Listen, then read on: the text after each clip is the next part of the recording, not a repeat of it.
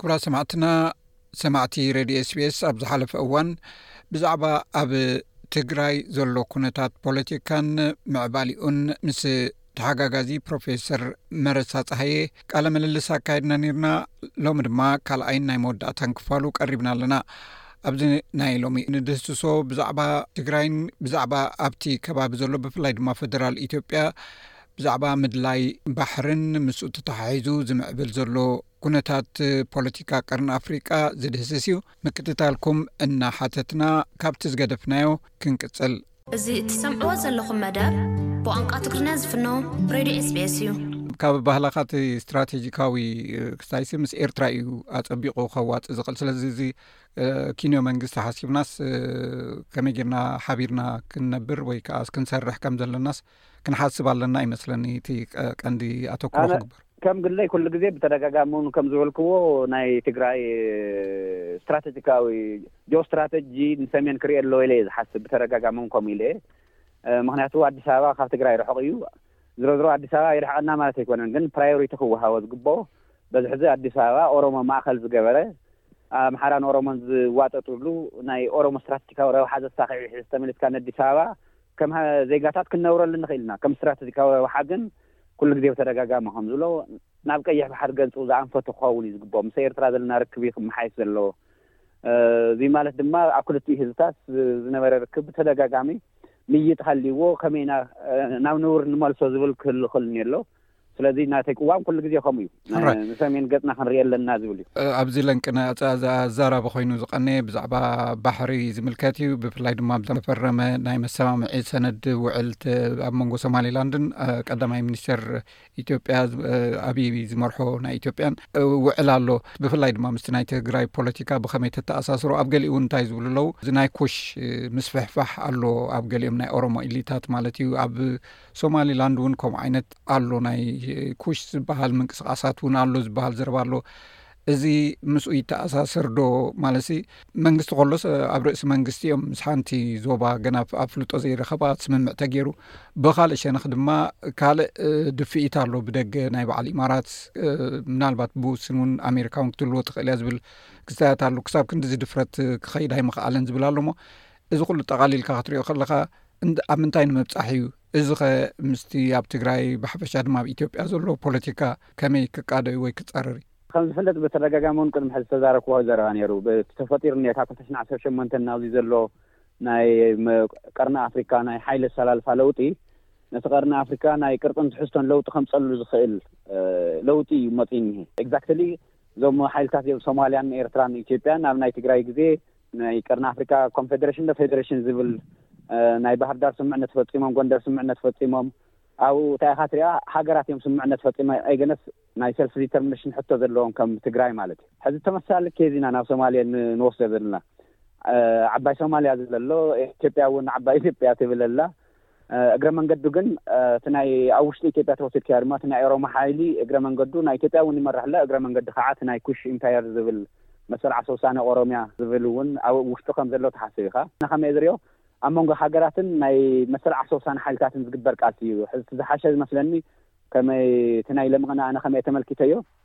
እቲ ኦርደር እቲ ናይ ስቴት ኦርደር ዝብል ናይ ሃገራት እዩ ዝብል እሱ ቻለንጅ ዝግበር ከም ዘሎ እየ ርእየ ምክንያቱ ንሶማሊላንድ ኣፍልጦ እንድሕር ሂብካ እንታይ ማለት እዩ ኣብ ክልተ ሃገራት ይፍጠር ኣለዋ ማለት እዩ እዚ ማለት ከዓ ነቲ ስቴት ሲስተም እንደገና ቻለንጅ ዝገብሮ እዩ ምክንያቱ ሓደሽቲ ኣሊያንሳት ክመጡ ክእል እዮም ኣፍሪካ ሕብረትን ተባበሩት መንግስታት ዓለም ኦርደር ብምሉእ ናይ ሃገራት እዩ ከም ሃገራት ደማ ቻለንጅ ክንግበር የብልናን ዝብል ኣሎ።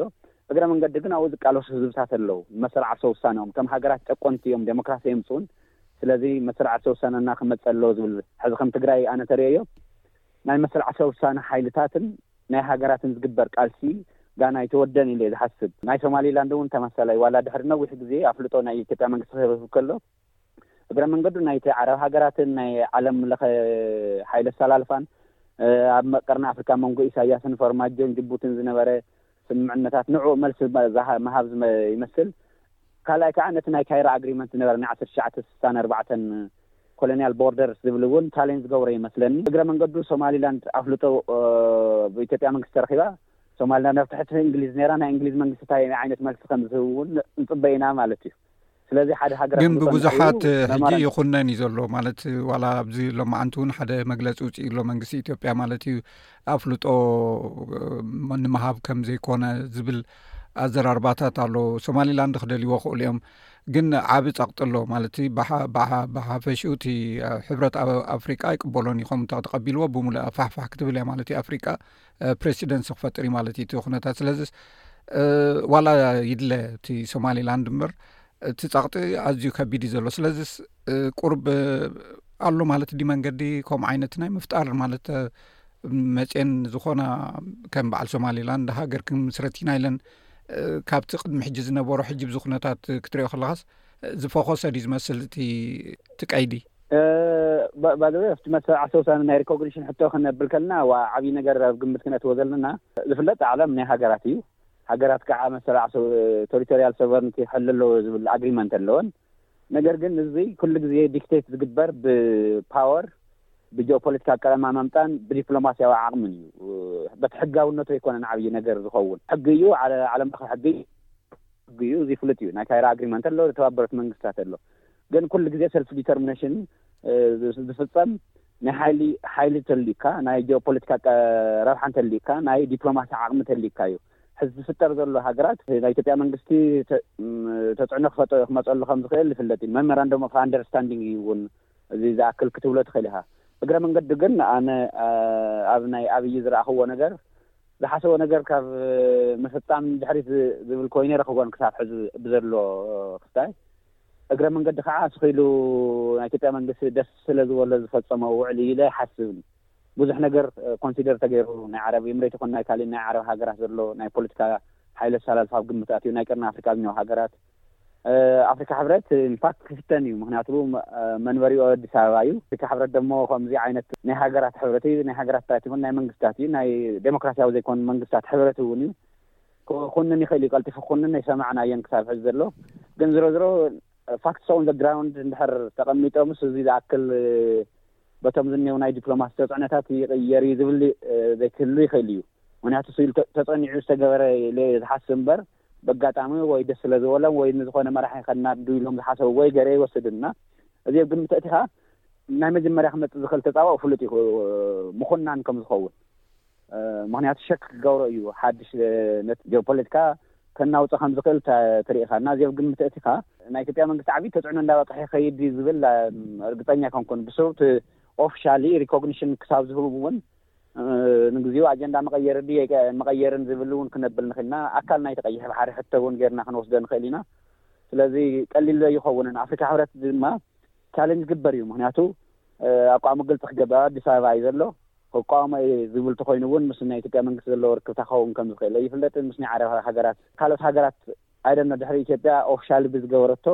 ካልኦት ሃገራት ይስዕባ ድየን ይስዕባ ንውን ኣብ ግምት እቲኻ ዝረኣዩና ግን ሓድሽ ኦርደር ይፍጠር ከም ዘለ ግን ክንስሕት የብልና ንዑ የተዓዘዙካ ናይ ቅርፅን ለውጢ ሓድሽ ኦርደር ኢልካ ንምናልባት እዚ ተተፈፂሙ እሞ ኣፍልጦ ተዋሂብዎ ብኩነኔ ጥራይ ተተሓሊፉ ኣብ ውሽጢ ኢትዮጵያ እውን ከምኡ ዓይነታት ክፍጠር ይኽእል እዩ ንኣብነት ከም ዝበልኮ ናይ ኩሽ ኢምፓየር ዝበሃል ውሽጢ ውሽጢ ዝበላላዕ ነገራት ኣሎ ብዓብዪ እውን ናይ ትግራይ ሕቶ እውን ኣሎ ዳርጋ ዝበዝሐ ከም ዝመስለኒ ብፍላይቲ መንእሰይ ዘሎ እተን ፖለቲካውያን ሓይልታት እውን ድሕሪ ሕድጂ በቃ ገዛ ርእስና ዝኸኣልና ሃገር ኢና ዝብል ኣሎ እዚ መገዲ ከይፀርግ ኣይሰግእን ዶ ኣብይ ወይስ ይደልዮ እዩ ነዚ ከምዚታት ምክንያቱ ኣብ ጫፍ ዘሎ ኩነታት እዩ እዙይ ስለዚ እዚ እንዳፈለጠ እዩ ዝኣትዎ ዘሎ ስለዚ ነዚስ መገዲ የርሑ ከም ዘሎ እንዳፈለጠ ይኣትዎ ኣሎ ማለት ዩ መሰብ ክዓንተው ዘልኩካ እዩ እቲ ዝግበር ዘሎ ቃልሲ ኣብ መንጎ ሃገርን ኣብ መንጎ ናይ መሰል ዓርሰ ውሳነ ሓይልታትን እዩ ኣብ ናይ ኦሮምያ ከም ዝፍለጥ ኦነግ ንልዕሊ ሓምሳ ስሳ ዓመታት ናይ ኦሮምያ ነጻ ሃገር ንምስርት ኢና ዝብል ቃልሲ ኣሎ ናይ ኦነግ ጥራይ ይመስለኒ እንት ሓሳብ እሱ። ኢንፋክት ኦሮሞ ንኢትዮጵያ ሐዚ ይመርሕ ኣለዎ ኣብይ ኣሎ እግረ መንገዱ ዶ እዙይ ማለት ግን ናይ ኦሮምያ ሕቶ መሰል ዓርሰ ውሳነ እንድሕር ኣብ ኢትዮጵያ ዘይ ተሳኺዕሎም ገዲፎሞ እዮም ማለት ኣይኮነን ናይ ኩሽ ኢምፓየር እውን ብተደጋጋሚ ዝተዘረበሉ እዩ ቀሊል ነገር ኣይኮነን ዳስ ዋይ ዝብለካ ዘለኹስ ክልቲኡ መንገዲ ሒዞም ይኸዱ ክህልው ክህሉ እዮም ብክልቲኡ ስለ ዝረብሖም ማለት ብሃገራት እውን ይረብሖም እዩ ብመሰል ዓርሰ ውሳነ ዓብዪ ኢምፓየር እውን ተሰሪሓ እውን ይጠቕሞም እዩ። ስለዚ እዚስ ካብ ናይ ኦሮሞ ረብሓ ተሪእኻዮስ ቦዝወይ ይሰርሐሎም እዩ ኢለ እየ ዝወስድ። ኣብ ናይ ትግራይ ተመሳሳሊ እዩ። መሰል ዓርሰ ውሳነ ሓይሊ እዩ ናይ ትግራይ ናይ ትግራይ መሰል ዓርሰ ውሳነ ኢትዮጵያ ኣብ ኢትዮጵያ ዝምለስ ተኮይኑ ክምለስ እዩ ዘይምለስ ተኮይኑ ግን ሚልዮን ህዝቢ መስዋእቲ ዝተኸፈለሉ እዩ። እቲ ሕቶ እውን ሕዝስ ኢሉ እቲ ሕዞም እኒ ውድባት ዝፈጠርዎ ሕቶ ኣይኮነን። ምስቲ ኣጠቓላሊ ሕቶ ናይ ቀርኒ ኣፍሪካን ናይ ትግራይ ህልውናን ዝውሰን እዩ ዝኸውን። ንህልውና ኢላ እውን እያ ክልተ ዓመት ሙሉእ ልዕሊ ሓደ ሚሊዮን ህዝቢ ዝገበረቶ መስዋእቲ ኣሎ። እቲ ሕቶ እሱ ስኒየ እዩ ፔንዲንግ እዩ ዝኒሀ እምበር ናይ ትግራይ መሰል ዓርሰ ውሳነ ሕቶ ከምዘሎ እዩ። ዳስ ዋይ እያ ዝብልካ ዘለኹ ኣብ መንጎ ሃገራትን ብለዛም ደሞክራስያዊ ዘይኮኑ ዩኒተሪስት ዝመስሉ ሃገራትን ናብ መንጎ መሰል ዓርሰ ውሳነ ሓይልታትን ናይ ምብራቕ ኣፍሪካ ሃገራት ድማ ተሪኸን ካብ ዓሰርተ ትሽዓተ ስሳን ሓደን ኣትሒዝና ካብ ናይ ኤርትራ ቃልሲ ካብ ዝጅመር ክሳብ ሕዚ እቶም መሰል ዓርሰ ውሳነ ሓይልታት ጋና ሕቶኦም ኣይተመለሰን ሃገራት መፅየን ኣለዋ ብዝብል ንግዚኡ ኮንተይን ተገይሮም ኣለዉ ግን መሰረታዊ ሕቶታት ኣይመፁን ምክንያቱ ኣብ ኣምሓራ እትሪኦ ዘለካ ቃልሲ ኦሮምያ እትሪኦ ዘለካ ቃልሲ ኣብ መንጎ ፌደራል መንግስትን ኦላን ዘሎ እዚ ዘርእየካ ኣብ ክልቲኦም ዘሎ ጎንጺ ዘይተፈትሐ ምዃኑ ጋና ግዜ ዝሕሉ ዘሎ ምዃኑ ስለዚ እቲ ናይ ሶማሊላንድ እውን ኣካል ናቱ ትሪገር ጌርካ ክትወስዶ ትኽእል ኢኻ ኣብ ክልቲኦም ዝግበር ሓይልታት እና ንዑ እውን እየ ሓድሽ ኦርደር ድዩ ዲስ ኦርደር ብዘየግድስ ዕጹው ጌርና ክንወስዶ የብልናና ምክንያቱ ከምቲ ኣብ ኣውሮፓ ዝተረኣየ ናይ ነሽን ስቴት ሞቭመንትስ እውን ክመፅ ይኽእሉ እዮም ዝብል ግምት ኣለኒ ሕራይ ናይ መወዳእታ ሕቶይ መፃኢ ኣብዚ ቁርብ እዋን እንታይ ዝረኣየካ ብፍላይ ሕጂ ከም ዝበልካዮ ሓድሽ ነገራት ይረአ ኣሎ ማለት ባዕሉ እቲ መንግስቲ ናይ ኢትዮጵያ እዩ ነዚ ነገራት እዚ ፋሕፋሕ ዘብሎ ዘሎ ከምዝሪኦ ዘለኹ ማለት ቀዳዳት ወይ ንቕዓት እንዳፈጠረ ካልእ ዓይነት ፀገማት እውን እንዳተፈጥረ እዩ ዝመፅእ ዘሎ ሞ ኢትዮጵያ ከም ኢትዮጵያ ናይ ምቐፃል ብኦቢሉ ድማ ሃገራት ሓደሽቲ ሃገራት ናይ ምውፃእ ካብዚ ዓባይ ኢትዮጵያ ተኽእሎ ኣሎ ብ ዝቕርብ እዋን እንድሕር ከምኡ ኮይኑ በዚ ትብሎ ዘለካ ማለት እዩ ናብኡ ገፁ ይኸይድ ኣሎ ስለ ዝበልካ እየ ከምኡ እንተኮይኑ ከ ኣብቲ ዞባ እንታይ ክፍጠር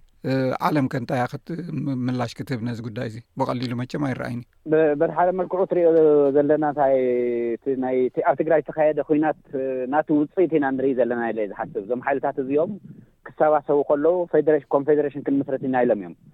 ግን ኣብቲ ሽዑ ግዜ ኮንፌደሬሽን ክንምስርት ኢና ክብሉ ከለዉ